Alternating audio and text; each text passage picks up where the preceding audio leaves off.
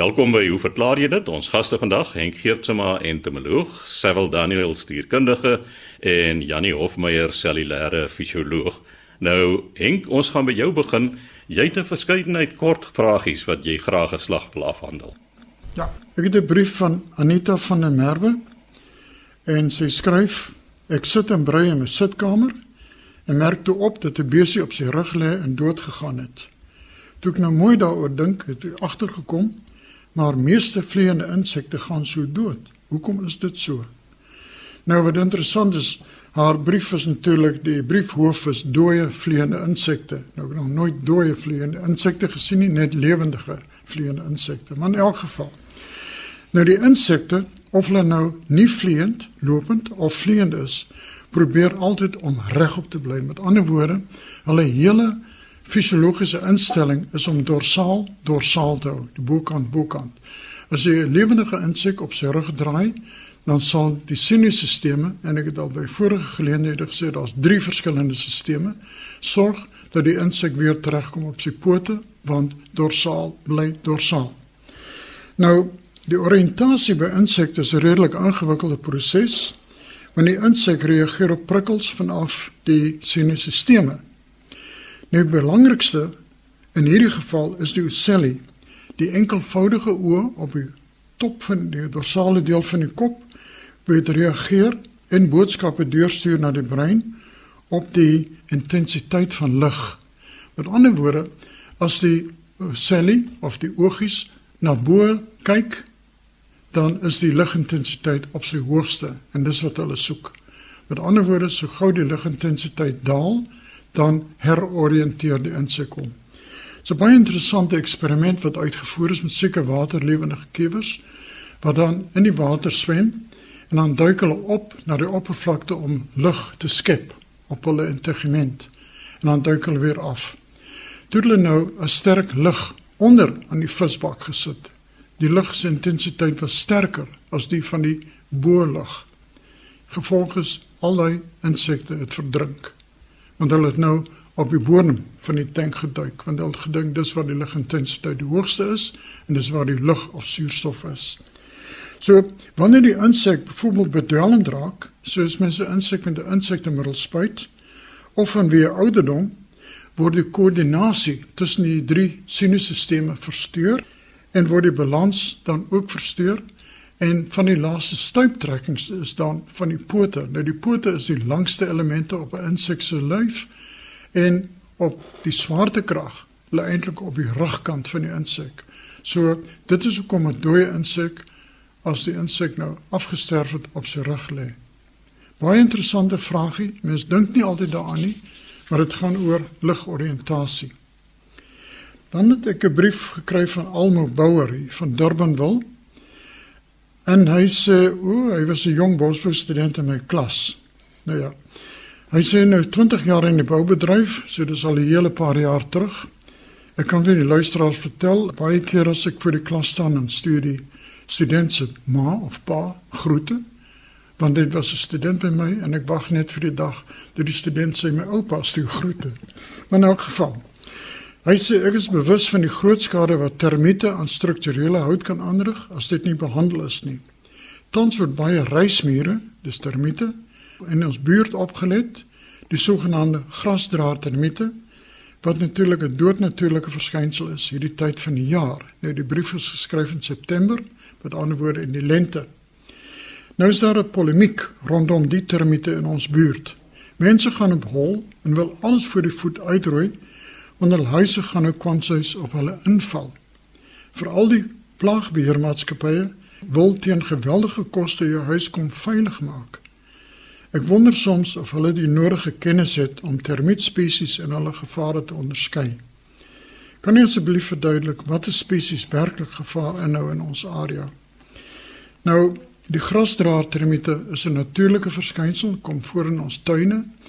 Dit mag wel wees dat hulle onder die huise is, maar ek weet van geen geval en ek het al meer as 40 jaar termiete bestudeer as deel van my werk as houtentomoloog wat huise mekaar val as gevolg van grasdraer termiete. Die houtvredende termiete sal die houtstrukture aanval in 'n huis, soos miskien dak wat klam is of vloere, maar nooit die huis self laat inval. So die plaagdodermaatskappye sien maar net 'n maklike teiken. So hierdie grasdraadtermiete los hulle in die tuin as hulle naby die huis kom is, gebruik maar 'n insekdoder om te verhoed dat hulle 'n tonnel grawe. Jy sal ook sien hulle hardloop rond, grawe klein tonneltjies en as mens die begin tonneltjie behandel met 'n bietjie terpentyn of wat ook al, jy hoef nie noodwendige insektemiddel te gebruik nie, maar jy maak die omgewing so onvriendelik moontlik vir die insek. Hierdie grasdraadtermiete is nie skadelik vir die huis eienaar en huis self nie. Hulle kan wel in jou tuin voorkom, want ou termiete doen baie goeie werk. Hulle hersirkuleer plantmateriaal, hulle deurlig die grond en met 'n goeie reënbui, as die reën insak ook in hulle neste in, is dit net goeie aspek van die natuur. Volgende briefie. En ek het toe 'n 'n video gekry. Want natuurlik, ek is maar baie onkundig met elektronika en Chris is onthou die meisiekind van 9 jaar oud van Oudtshoorn wat vir my 'n voicemail gestuur het wat toe beantwoord en ek dink nog steeds is een van my beste programme daai. Nou hierdie een is toe nou 'n video. En Cornelia de Bruto van Gordons Bay sê ons het hier die interessante goggaatjie op ons motor se venster uitgevind en 'n video van hom probeer neem. Dit was by Kameelpoort noord van Pretoria. Nou ongelukkig was 'n lang video, daar's net een snit waar die mens die insek duidelik kan sien. Hy het lang antenne aan die agterkant en kortetjies voor. Hy loop soos 'n krappie in enige rigting. Sy gesiggie lyk of hy lag. Ons het nog nooit so 'n insek gesien nie. Wie is hy of sy? Nou Cornelia, ek het ook nog nooit so 'n insek gesien wat lag nie, want hulle kan nie. Ek het gekyk na die video, baie interessant. Hierdie bepaalde insek behoort tot die genus Cunomorpha en dit is deel van die stinkbesie familie. Nou, u sal ook sien op die video, dit baie dik agterpootjies en die antenne is eintlik die lang dele. Die kortes wat u gesien het, is aan die stertkant van hierdie klein onvolwasse stinkbesie. Die lyf is dikkerig en bedek met 'n wollerige laagie wat kan verskil tussen spesies van hierdie genus. Daar's weinig bekend oor die diertjie self. Nou kom ons by die geskuifel op die venster. Dit is nie net geskuifel nie, maar dit is ook tipiese tikkie draai. Dit is omdat die pootjies van plantluise, stinkluise, hierdie groep insekte het nie suignappies wat op 'n gladde oppervlakte kan vashak of vassuig nie. En dis die wat hierdie arme ding op die skuinste van die venster rondgedans het as dit ware, want hy probeer net voete vind wat hy nie kan nie. Natuurlik hierdie diere leef altyd in plantmateriaal waar daar genoeg vas trapmateriaal is. Baie interessante insekkie. Ongelukkig is dit 'n onvolwasse een en ek kan nie bepaal van die video of dit 'n mannetjie of 'n wyfie is nie. Kom ons aanvaar maar dit is 'n hy of 'n sy. Baie dankie Cornelia. Baie interessante insek, maar dit was 'n stinkbesie. Dan het ek 'n foto gekry van Ina van der Walt en sy en my kollegas kan sien is 'n pragtige wit springkaan. Jy sal sien die kop en die borsgedeelte en selfs die pote is mooi pers gekleur met sulke laterale uitbouings en dan die vlerk is natuurlik dit so in die middel so pragtige wat mense in Afrikaanse bullseye. Kol. 'n kol 'n duidelike sentrale kol swart wat dan omring is met wit en weer swart en dan 'n mooi groen. Nou, hierdie pragtige insek kom dan voor of is gevind in Hillcrest, KwaZulu-Natal. En dit is 'n baie prominente groep van witspringkane. Hierdie behoort eintlik tot die Hymenopodidae, wat familie is van die Montodia, die groep self. Dit is nie 'n volop insek nie, kom meer voor in die tropiese areas tot verby Zimbabwe. So dit is 'n tropiese insek, maar dit is 'n bidspringkaan. En jy sal ook sien dat hierdie kol op die een vlerk, as hierdie insek die vlerke sprei, dan is dit duidelik twee oë wat vir enige predator, 'n voël of 'n akedus of 'n aapie verding, gaan lyk soos 'n gesig. Wat natuurlik dien as 'n baie aktiewe afskrikmiddel. En dan 'n laaste klein vragie oor rooi perdebytjies. Nou in die Kaap praat ons van Piet Vonkies. Ons ken almal Piet Vonkies. En Paul Botma vra: Is dit waar dat rooi perdebytjies gedurende April maand nie steek nie? Paul, ek kan vir jou waarborg, hulle het nie hulle gewoonte verloor nie, of dit nou April maand of Januarie of Desember is, hulle gaan steek. Hulle is natuurlik 'n interessante diertjie dat jy kan by hulle verbyloop en dit hang af van hulle bui vir die dag. As hulle geïrriteerd voel, gaan jy dit aan jou bas voel. En die nie sal hulle jou los. Maar die feit dat hulle nie in April steek nie, probeer maar, hulle sal steek. Baie dankie Paul, baie dankie vir die luisteraars vir die paar kort vragies.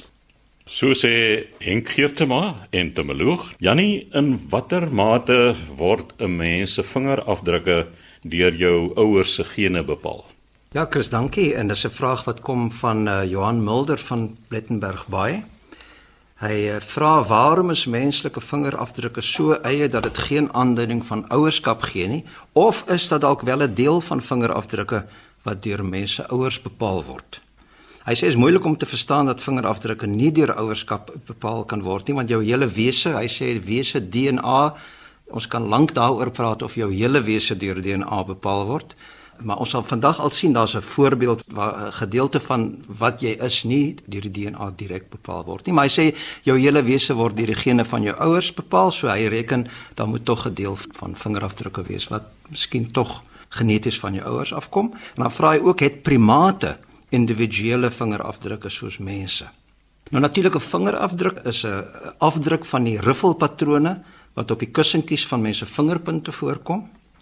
En mense sowel as primate se hande en voete word nou bedek met 'n baie spesiale tipe vel wat in Engels bekend staan as friction ridge skin, maar afgekort as FRS.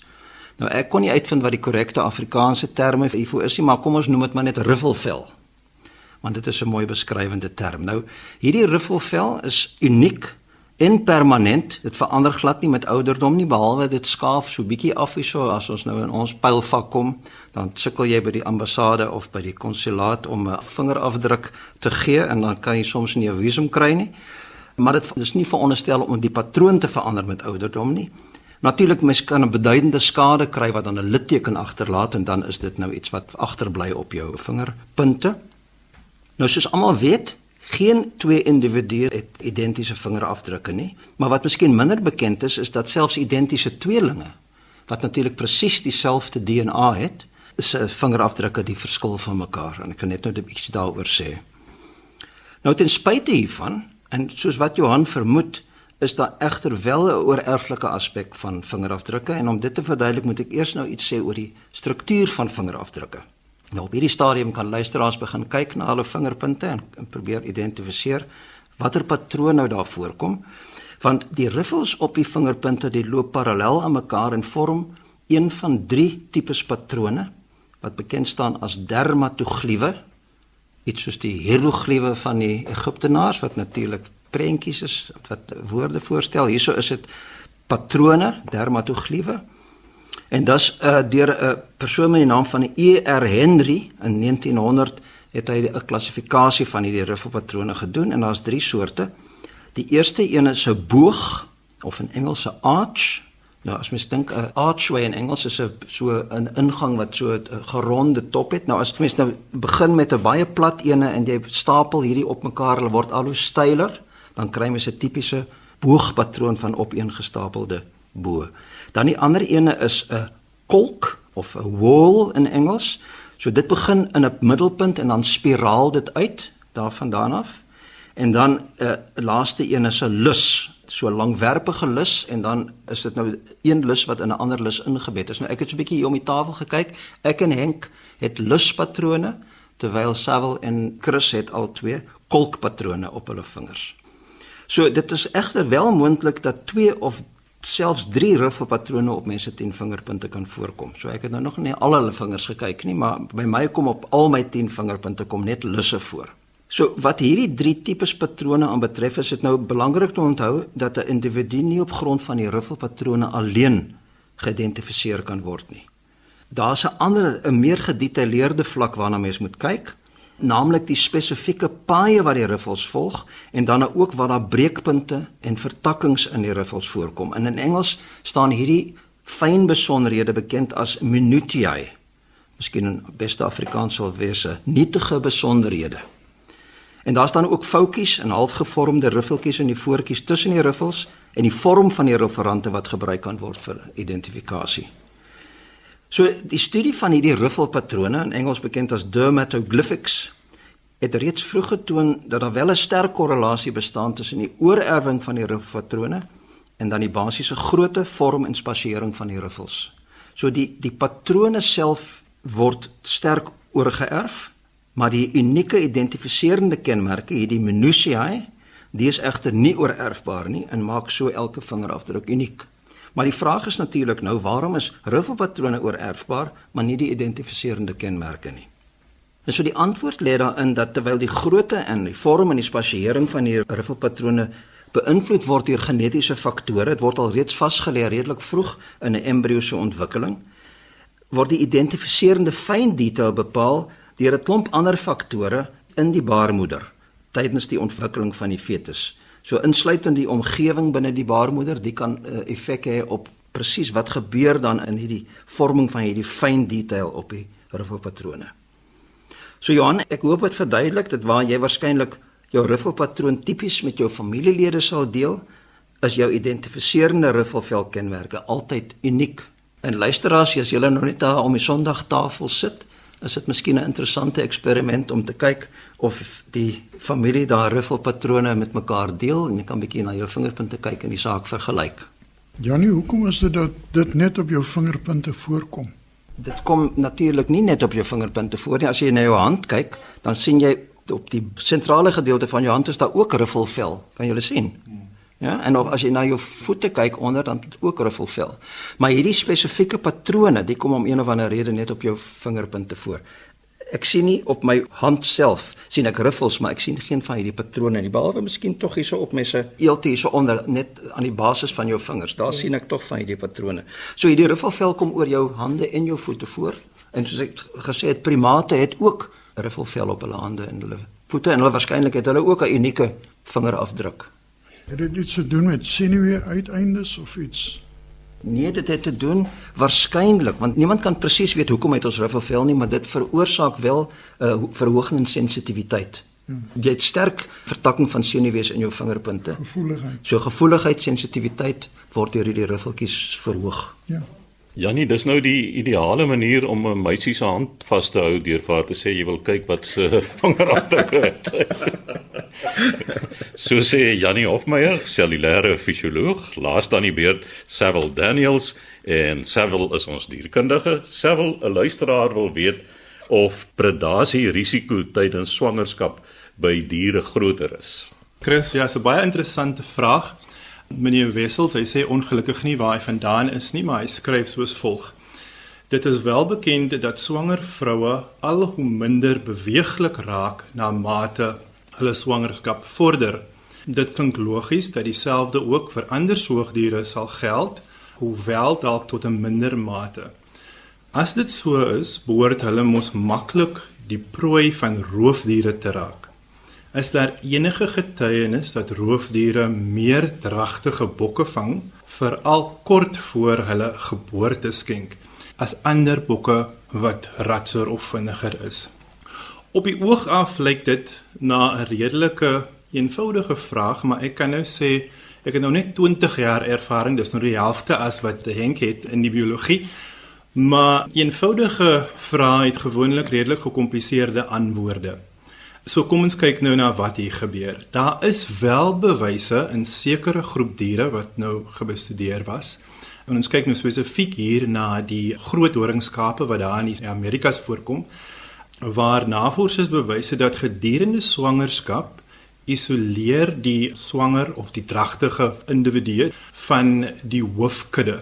So die dragtige individu Hulle probeer om die steiler hange of die steiler gedeeltes van die berge uit te soek om hulle self te isoleer en dit is basies dink die outere om die predasie druk te kan verminder.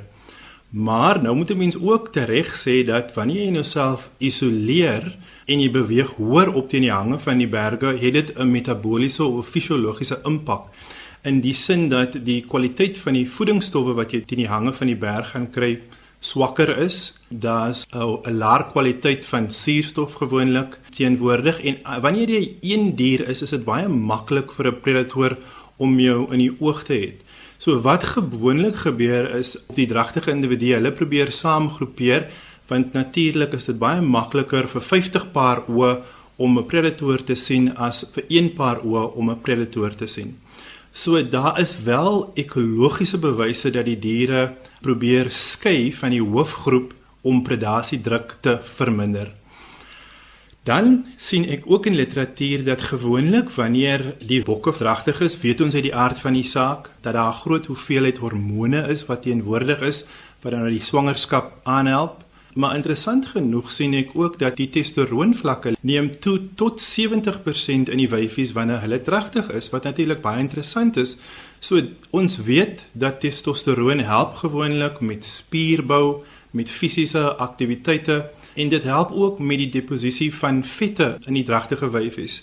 'n Mens kan nou veral kyk na die ooms as hulle so heel oor hulle 40 is wanneer die testosteron vlakke nou laag raak, dan sien 'n mens nou die boppie wat ontwikkel. Ehm um, en dit is natuurlik nou ook as gevolg van die afname in die testosteron vlakke wat 'n mens nou waarneem.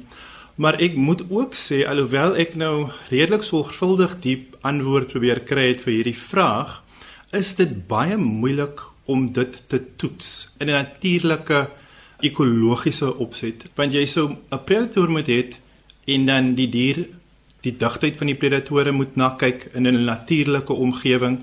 Jy sal moet kyk na die groottes van die kuddes. Jy sal moet kyk wanneer is die wyfies dragtig wanneer is hulle op hulle grootste risiko. En uit die aard van die saak is die risiko die grootste naaste aan die geboorte. Dit is hoekom die roofdiere, hulle is ook meer geneig om die jong diere te vang as wat hulle geneig is om die ouer diere te vang. Uit 'n ekologiese perspektief is daar ook die idee dat diere 'n besluit maak oor hoeveel energie gaan hulle investeer om die prooi item te probeer vang om die maksimale hoeveelheid voedingsstowwe te kan kry van die dier wat hulle dan nou gedood het. So die antwoord is 'n redelik gekompliseerde een. Daar is bewyse toe hulle byvoorbeeld wolwe teruggeplaas het in die natuur in Yellowstone Natuurreservaat het hulle wel gesien dat die dragtige bokke by die elks het 'n dramatiese afname geneem, maar dit is teen teen een ook potensieel as gevolg van die feit dat die bokke vir 'n lang periode nooit blootgestel was aan wolwe nie. Met ander woorde, hulle weet nie werklik wat die gevaar is nie, maar daar is wel bewyse dat gedurende swangerskap dat daar 'n verhoogde predasie druk is op die prooi diere sodat hulle dan nou na 'n mate sal kan afneem, maar dit is baie moeilik om op 'n langtermyn 'n peiling te sou kon maak want jy sou dit moet toets in 'n ekologiese raamwerk wat ek dink nogal redelik moeilik sou kon wees want daar is 10 10 1 'n groot hoeveelheid veranderlikes wat betrokke is om so 'n bepaling te kan maak. Sevel as ek daar kan byvoeg, ek kan nou nie voorgee dat dit 'n wetenskaplike waarneming is nie, maar ek kyk graag na video's oor wildlewe en dis opvallend hoe baie jong dier net na geboorte gevang word. So dit wil amper vir my lyk asof die moederdier minder aan gevaar onderworpe is as wat die kleintjie net na geboorte is. Nee, ek dink jy is absoluut reg. Die jonger dier het uit die aard van die saak nie dieselfde spoed nie. Die ouers sou baie makliker kon weghardloop as wat die jonger dier sou kon weghardloop. So die jonger diere is natuurlik 'n baie makliker prooi item vir 'n predator om te vang. Natuurlik moet 'n mens ook nou dink aan hierdie balans van die ekologie. Dit gaan nie vir die predator sinvol wees om al die volwasse reproduktiewe suksesvolle bokke in die populasie te dood nie, want dan gaan die populasie nie groei nie. Natuurlik of die diere nou so besluit kan maak of nie, dit kan 'n mens natuurlik nou debatteer. So sê Savile Daniels, ons dierkundige, ons tyd is verstreke, skryf gerus aan, hoe verklaar jy dit? Posbus 2551 Kaapstad 8000 of stuur 'n e-pos aan chris@rsg.co.za.